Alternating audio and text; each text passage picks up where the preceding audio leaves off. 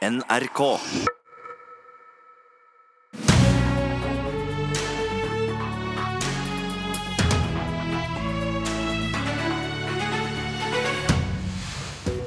Per Sandberg ba landets damer slå tilbake mot seksuell trakassering med en øyrefik.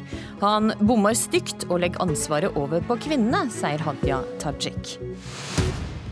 Jeg vil si til norske kvinnfolk at hvis de blir utsatt for seksuell trakassering, så syns jeg ikke de skal holde tilbake flathånda. En god gammeldags ørefik er noe de aller fleste mannfolk forstår. Dette sa du til VG forrige uke, nestleder i Frp, Per Sandberg.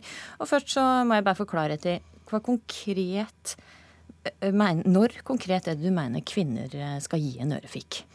Jeg er glad for å få det spørsmålet. for uh, her må man ha, Det er jo ut ifra situasjonen, selvfølgelig. Men, uh, men uh, nå skal ikke jeg ta det på vegne av alle mannfolk heller, men de aller fleste ledere, aller fleste mannlige menn som har kvinnelige kolleger, og opplever en ørefik under julebordet eller på konferansen der at man har atferd som ikke er akseptabelt, ethvert mannfolk ville føle det så ydmykende at man kryper under bordet. Og jeg er rimelig sikker på at denne mannen som eventuelt måtte foreta denne type aktivitet, uønska aktivitet mot kvinner, aldri ville gjøre det igjen. Men hvis noen klyper deg i rumpa, eller hvis noen prøver å voldta deg, skal du respondere med en ørefik? Nei, det er to forskjellige ting. Eh, hvis det, vi snakker om voldtekt og den type ting, så jeg, registrerer jeg at eh, den rød-grønne regjeringa og SV nå foreslår sjølforsvarskurs. selvforsvarskurs. Og da kan man stille seg spørsmålet hva, hvilke av disse da vil føre til at situasjonen kommer under kontroll. Det at kvinner da har selvforsvarskurs, og regner med at man skal ha det for å forsvare seg. Så det kan jo hadde jo svaret på hvorvidt at hun støtter et slikt forsvar. Ja, det kan jeg eh, Men, men, vi, altså bare, kan avklare men, men, men, kan, ulike, kan bare velge opp ulike situasjoner. Men, men når jeg snakker om dette, så ble jeg utfordra som leder sjøl. Eh, og gjennom da politikken. Eh, og jeg er rimelig sikker på at mannfolk Eh, i en sånn setting på et julebord i hvert fall ikke vil gå til vold når man får seg, bruker vold når man får seg en ørfik av et eh, kvinnfolk. Vi, vi, skal komme tilbake til dette, Hadia Tajik, men først så trenger jeg bare ei oppklaring til. Altså, Hva med de mange kvinnene som opplever i en sånn situasjon at de fryser? De blir så overraska at de vet ikke helt hva de skal gjøre. De ler eller, eller reagerer litt mm. seint, litt feil. Hva vil du oppfordre deg til? Altså, Nei, det, du... det tror jeg faktisk den debatten som går nå er veldig bra. Fordi at Selv om man ikke greier å agere i øyeblikket, så må man gjøre det raskest mulig. Så gå inn for sjefen sitt kontor i etterkant? da, Ja, eller tillitsmannsapparatet, andre kolleger, få backing, støtte, rapportere. Det må man gjøre raskest mulig i sånne tilfeller som dette. Og det er Også en ørefik kan fungere hvis den er forsinka? Eh, nei, ørfiken er, da blir det litt for, da er det forsinka. Ørfiken er mest i øyeblikket for å sette mannen, sjefen, kollegaen i forlegenhet. I påsyn av en rekke andre kolleger, så vil dette være så ydmykende overfor mannen at eh, han aldri vil gjenta det igjen. Eh, da kan vi introdusere Hadia Tajik, nestleder i Arbeiderpartiet. Vi skal komme tilbake til dette selvforsvarskurset, men først så vil jeg høre hvordan du reagerer på Sandberg sitt råd til landets damer. Jeg tar selvforsvarskurset med en gang, fordi det er feil. Okay. Arbeiderpartiet har ikke foreslått det, og Sandberg må nesten forklare hvorfor han prøver å skifte tema på den måten der. Men de tingene han sier om at man eh, skal kunne forsvare seg sjøl eller slå tilbake, det er ting som er lovhjemla. At du har lov til å beskytte deg sjøl hvis du blir utsatt for noe. Så med andre ord så er det Per Sandberg her nå driver med, det er en slags selvfølgelighet. Han sier til folk noe eh, som de allerede har en, en, rettighet og en mulighet til. Men, Men det som er problemet du det er riktig å komme med denne oppfordringa? Det som er problemet med det han gjør, er særlig to ting. Det ene er at han individualiserer løsningen på det, og legger det på den enkelte kvinne eller den enkelte mann som måtte oppleve dette. Og det andre er at han totalt undervurderer maktforholdet i situasjonen. Hvis det f.eks. er en yngre, nyansatt kvinne som opplever seksuell trakassering fra sin godt voksne sjef, Så, eller, eller, fra en leder som man har en, et tillit, eller utgangspunktet hadde en tillitsrelasjon til og hadde respekt for, så er ikke det en situasjon der, der Per Sandberg sin løsning er en spesielt god analyse. Du legger ansvaret for dette over på kvinnene, Sandberg? Nei, det vil jeg på det sterkeste tilbakevise. Og når jeg tar dette med sjøforsvarsstyrelse, Men du sier at det er deres jobb å påføre sjefen, en, eller den som utfører ja, denne handlingen, ja, en ydmykelse, da? Men alle settinger er ulike. Men at en ørfik vil sette en mann i forlegenhet i påsyn av en rekke andre, og da er det mindre sjanse for at det skal eskalere til vold, også det er jeg rimelig sikker på. Jeg vil se den lederen eller den kollegaen som får seg en ørfik i påsyn av en rekke kolleger på et julebord eller på en konferanse, vil agere med, med, med, med vold. Men så sier du også at, Men så er det sånn at situasjonene er forskjellige. Du sier også at du undervurderer maktubalansen. Uh, nei. nei, men altså i noen Det er ikke lett å alltid bare nei, slå til sjefen sin. Nei, nei, nei det, og det ser jeg også. De aller fleste, sier jeg. Dette er situasjoner som er ulike hele veien. Og så kan det være andre metoder som kan brukes. Men jeg mener at i en rekke sammenhenger så vil en sånn ørfyk føre til at sjefen, den mannlige kollegaen, der maktforskjellen er så stor at dette utgjør noe, så vil det være preventivt i forhold til at disse menn i hvert fall vil lære av dette. Det er da, altså flere enn Tajik som reagerer ja. på det du sier, eh, mm. Sandberg. Verdensmester i proffboksing, Cecilia Brekkhus, mener du bomma og sier at, som Tajik at du legger ansvaret over på damene. Og din eh, egen kollega, eh, arbeidsminister Anniken Hauglie, sier at å oppfordre til valg ikke er noen løsning. Hør bare her. Jeg kan ikke oppfordre noen til å, til å, begå voldshandlinger. Jeg vil jo anbefale at uh, arbeidstakere som opplever den type oppførsel, at de snakker med tillitsvalgte, at de snakker med noen i ledelsen. Og ty til vold, ja, det er, noen, det er jo ingen løsning. For det første så har jo kvinner generelt ganske høy terskel for å, å, å slå og bruke vold.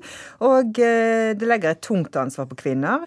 Og det verste som kan skje, er jo at eh, en slik situasjon eskalerer og så utarter seg, og at kanskje mannen da blir eh, voldelig tilbake. Så det er jo ikke noe jeg anbefaler egentlig i, i utgangspunktet for, eh, for, jenter.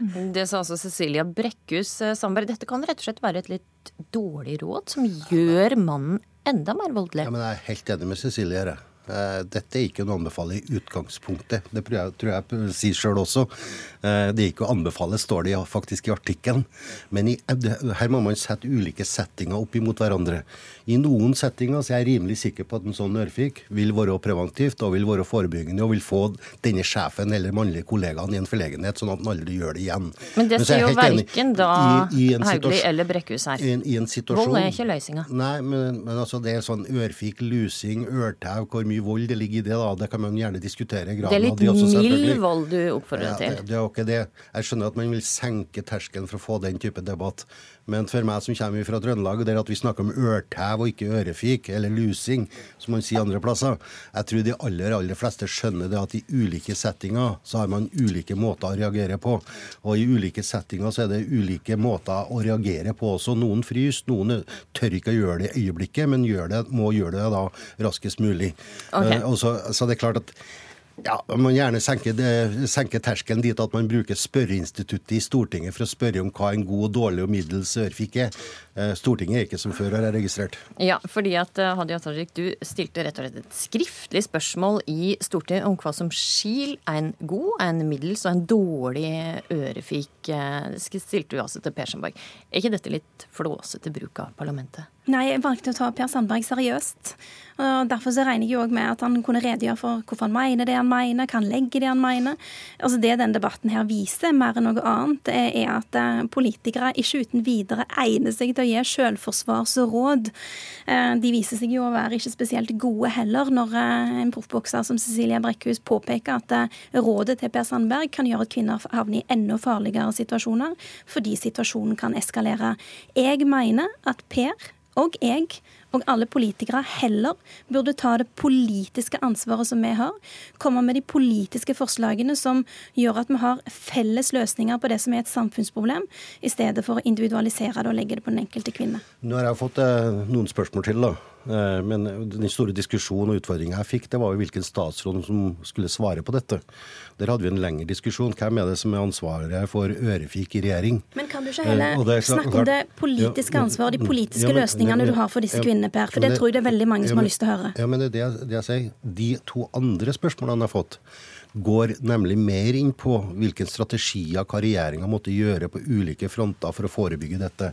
Og disse svarene skal få gode svar. Og hva er svarene men, på det? Men, men, svaret til deg, Haja Men hva er svarene på de politiske spørsmålene? Jeg, jeg, jeg, diskuterer det spørsmålet du stilte til, deg, til meg nå. Men nå spør jeg deg jo nettopp om hva er de politiske jeg, svarene kan, dine og fra regjeringen til kvinner som blir utsatt for seksuell trakassering? Svar på det, Sandberg. Kan jeg få fullføre?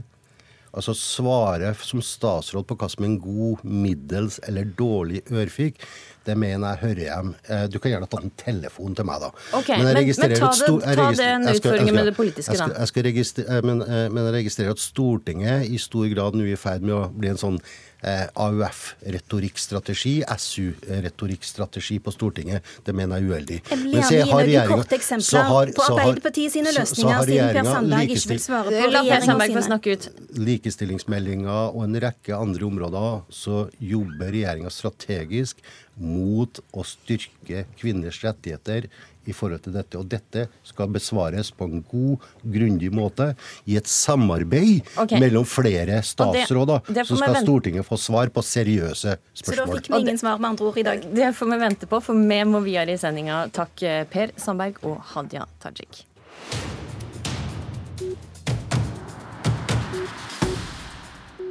Miljøpartiet De Grønne har evaluert hvorfor de endte opp under sperregrensa også ved dette valget. Og et av svarene de har funnet i eh, denne sjølransakinga, er at det blokkuavhengige partiet burde vært tydeligere i regjeringsspørsmålet. Og Una Aina Bastholm, talsperson og eneste stortingsrepresentant for eh, Miljøpartiet. Det blei altså en valgkamp som handla mye om de to blokkene og hvem som skulle bli statsminister.